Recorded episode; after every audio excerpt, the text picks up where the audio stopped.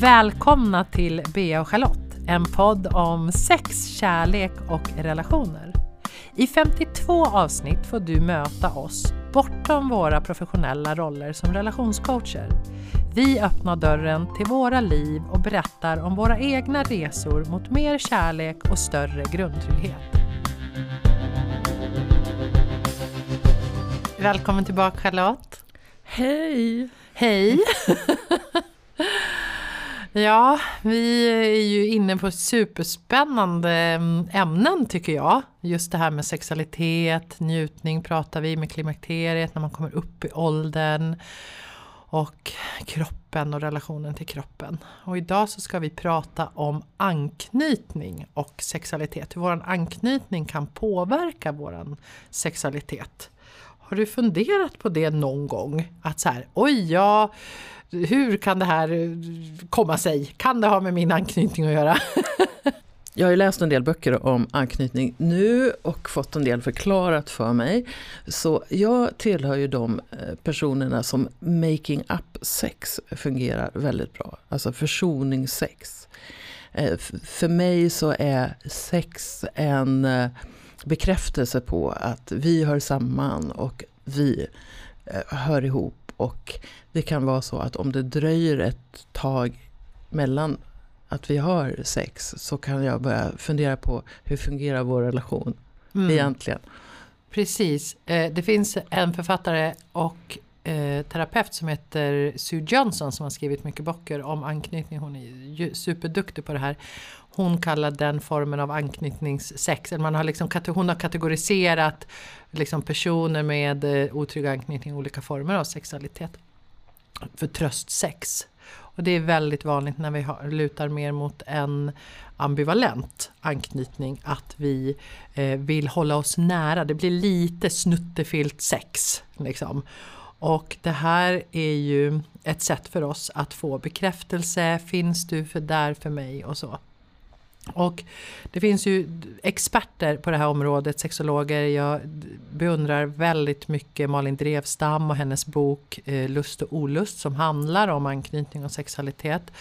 Men jag tänker att, att i min egen relation och det jag kan se och det jag har läst och lärt mig så handlar det ju liksom om att forskning visar på att tryggheten är vår starkaste källa till lust. Och när jag var yngre så var ju det tvärtom. Det var liksom det spännande, passionerandet när jag inte visste om de ville ha mig eller inte.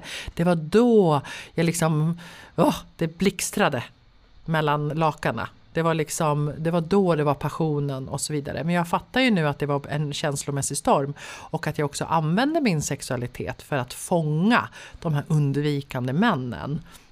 Och, och liksom hur när jag och min partner går mot en tryggare och tryggare och tryggare relation, hur enormt mycket vackrare vårt sexliv blir. Det påverkar det jätte, jättemycket. Och hur jag förut hade, min enda liksom intimitetsöppning var sexualitet. Intimitet var sex för mig. Mm. Det, det, var ingenting annat. Det var liksom, vi ska vara intima, det, det, då var det sex. Jag hade liksom ingen annan eh, öppning i intimitet med samtal eller vad nu än, än man kan dela intimitet på. När du blir tryggare i din relation, kan du känna att din sexualitet ändras? Det är så underbart när jag blir tryggare i mig själv och i min sexualitet. För det som händer är då att jag kan bli mer sårbar i en sexuell situation. Och Det kan innebära att jag kan säga vad jag behöver. Till exempel. Och det var någonting som var jättesvårt för mig förut. Vad jag behöver eller vad jag önskar. Och när jag nu är trygg så kan jag också säga som det är när det är. Och det vågar jag inte heller eh, förut. Jag tror att jag var rädd att jag skulle skrämma bort den här människan jag hade nära mig. Men idag kan jag till exempel säga Oj, nu blev jag rädd. Eller oh, nu fick jag ett skampåslag här. Eller oh, nu känner jag lite ledsenhet. Men så är det ingenting som Staffan behöver göra någonting åt. Utan för mig är det eh, ett enormt bevis på trygghet att jag ändå säger det som händer på insidan. Och då ökar på något sätt innerligheten också i det fysiska, mentala och även liksom energimässiga mötet. Mm. Precis, och då, jag tänker också så här, ju tryggare vi är Eh, med den som vi har sex med eh, där, desto mer kan vi expandera. Vi kan leka, vi kan utforska och så. Och min erfarenhet är eh, också från mig själv men också de jag jobbar med att när vi inte är trygga, då tror vi att vi behöver tillföra massa saker utifrån för att ha ett bra sexliv. Alltså fantasier och kläder och verktyg och liksom att vi hela tiden måste variera utifrån. Annars blir det tråkigt. Och min upplevelse är att ju tryggare jag är så blir det aldrig tråkigt. För att det blir som att källan av lust kommer inifrån. Och den är aldrig sinande. Så att det är liksom Ja, vi har överhuvudtaget inget behov att tillföra någonting utifrån. Därför att det som händer i stunden och vårt utforskande tillsammans eh, är mer än tillräckligt. Alltså jag tycker ju att en del av utforskandet kan vara att ha med någonting som, är, som inte bara är kroppen också. Eh, jag har ju varit sån som tidigare i livet har prövat väldigt lite sånt. Så för mig in, kan det ingå liksom i eh, lekfullheten. Men det är inte så här, det här måste till för att det ska vara mysigt. Utan det är mer som, hmm, eh, något, något, som jag tycker är kul är till exempel att eh, göra något som heter elementmassage. Och då ger man mm, beröring med olika former av tryck. Och eld är då intensiva sensationer och då tar man ju hjälp av olika saker men även kanske sina uh, tänder eller naglar eller sådär. Och jag kan tycka det är jättekul. Ja, så att det, det behöver inte vara en mots, motsatsställning. Nej det tror jag inte och det var nog inte riktigt det jag menade. För förut var det, jag går och köper den där snygga korsetten, sätter på mig de höga klackarna och då spicar jag upp vårt sexliv. Det var mer det. Så ah. att det kom en energi utifrån. Så här, okej, okay, eh, nu gör vi det här. Och sen när, de, när jag använt den där korsetten två gånger så var ju inte den så het längre. Och då behövde vi tillföra någonting nytt utifrån hela tiden. För att någonstans, vårt sexliv handlade om, det är också Sue Johnson, om jag refererar till henne igen, kallar för sensationssexualitet den här formen av sexen som man kanske har med när man har one night stand och man är ute efter orgasmen, att det ska kännas mycket, man är ute efter sensationerna i kroppen. Att det blir ett jakt på målet hela tiden. Och i den formen av sexualitet så, så behöver de här liksom attiraljerna utifrån till också för att höja upp sensationerna och spänningen. Och när vi går till en, en tryggare sexualitet så är det kropparna mer som är liksom, det är de som har sex med varandra. Det är nästan som att jag och Theo kan ju, och det är ju också för att vi har praktiserat tantra så länge så här, koppla av huvudet och så låta kropparna visa hur de vill älska. Och det är ju, det är ju superspännande för oss att bara observera vad är det som händer. Så att, så att det är nog mer det. Sen kan man ju massera varann och, och, och, och, så vidare. Men om jag tittar på mitt eget att jag trodde att det var liksom just den här objektifieringen som vi har pratat om förut. Liksom. Men om jag bara ska titta på lite mer så här äh, otrygg, eh, otrygghet gör ju att vi har ett mindre spektrum att och röra oss i sexuellt också. Det påverkar ju alla. Och vi med en otrygg anknytning är, kan ju vara orolig. Vad ska de tycka, tänka? Eh, liksom, oh, nej men så här, nu lät jag konstigt eller nu har vi inte haft sex på länge och så vidare. Så att man använder liksom sex som ett mått på friskheten på relationen. Och när jag och Theo började träna på olika former av intimitet, känslomässig intimitet och att vi liksom delade och öppnade upp i sårbarhet och så, så blev det inte lika mycket fokus på sexet för oss. Det var liksom så här, ja ja, det var fint med sex men det var inte vårt enda go-to. Så att det är liksom, ja ju större trygghet desto större sexuell arena också. Och jag tänkte ju att det var tråkigt i mina tidigare dagar. Så här, gud vad tråkigt med en trygg relation. Då kan det ju inte hända några, på något sätt några sensationer i vårat sexliv. Men du, hur känner man igen en eh, otrygg undvikande person? Mm. En otrygg undvikande person sexuellt, de, det blir ofta så att de inte mm, är så inkännande. De liksom kan inte riktigt vara i den här intimiteten som behövs för att bli en inkännande älskare. Så att det, det, det, det är liksom mer sensationer. Mer one night stand sensation sex än den här innerligheten. Därför att eh, när vi är känslomässigt liksom avstängda eller di distanserade så förlorar vi också vår fingertoppskänsla. För det handlar ju om som en dans och att läsa vår partner när vi har sex, att känna in och vara lyhörda och så. Och när den blir avstängd så bygger ofta sexualiteten mycket på prestation. Och om man, om man har den här problematiken i en, i en lång relation så blir det ofta inte alls tillfredsställande, helst för partnern till en undvikande person. Det blir väldigt mycket sensationssex.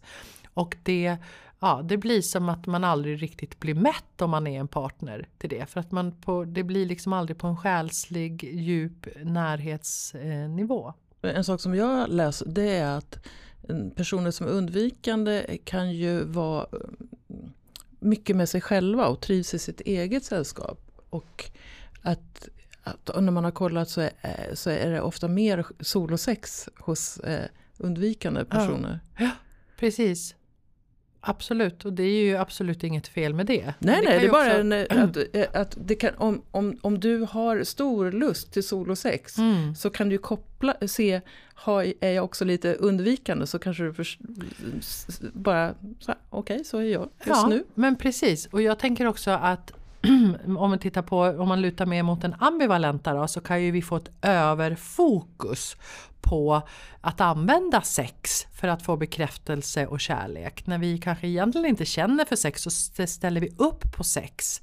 Vi kan blanda ihop sex och kärlek. Vi kan Väldigt. också manipulera till att få sex. Exakt, för att veta. Men då, nu kan jag vara trygg. Man börjar känna lite oro och vart är du någonstans och vi har ingen kontakt och då slår jag på min sexuella energi för att hooka, hooka mm. tag i dig och så börjar den här dansen hela tiden. Och det kan ju också vara i det här äh, att det inte finns så mycket prat om sex för att man vågar inte prata om de här sakerna. Vad tycker jag om? För att vi är otrygga i relationen.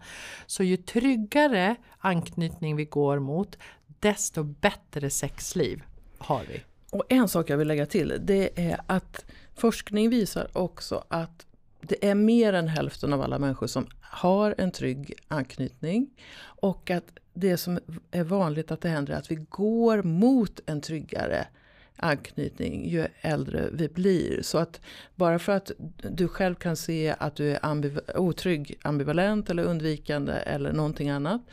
Så behöver det inte vara så alltid och det behöver inte vara så i alla situationer. Nej, precis. Och med alla personer. Så, vi, vi triggar ju varann olika. Men just en, liksom att titta på sig själv i relationen. Undviker jag närhet och intimitet, då påverkar det sexlivet. Och, och använder jag det som ett mått på om jag är älskad eller inte så påverkar det också vårt sexliv. Att gå till sig själv och kanske våga prata om det här också när du är i en relation. Eller om du är dating så påverkar ju det också. Använder du sex i ditt dejtande för att hooka den här personen?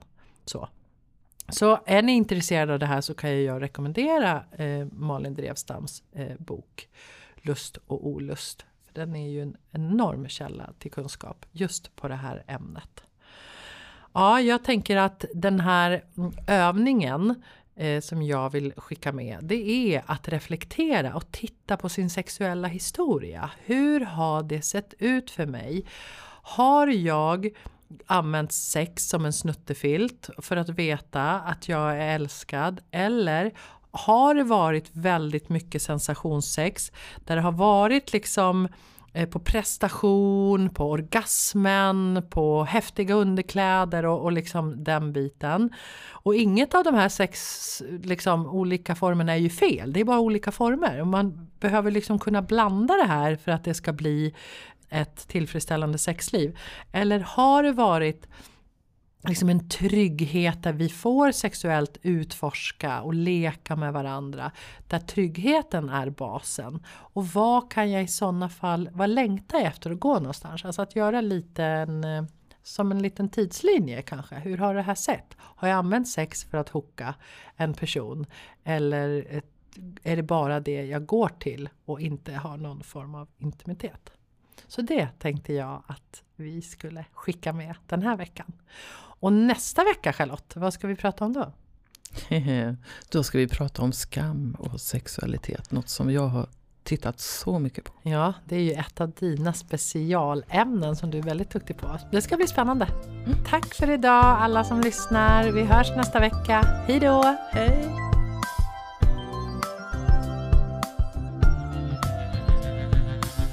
Du har lyssnat på Bea och Charlotte. Nästa vecka väntar ett nytt spännande avsnitt. Missa inte det!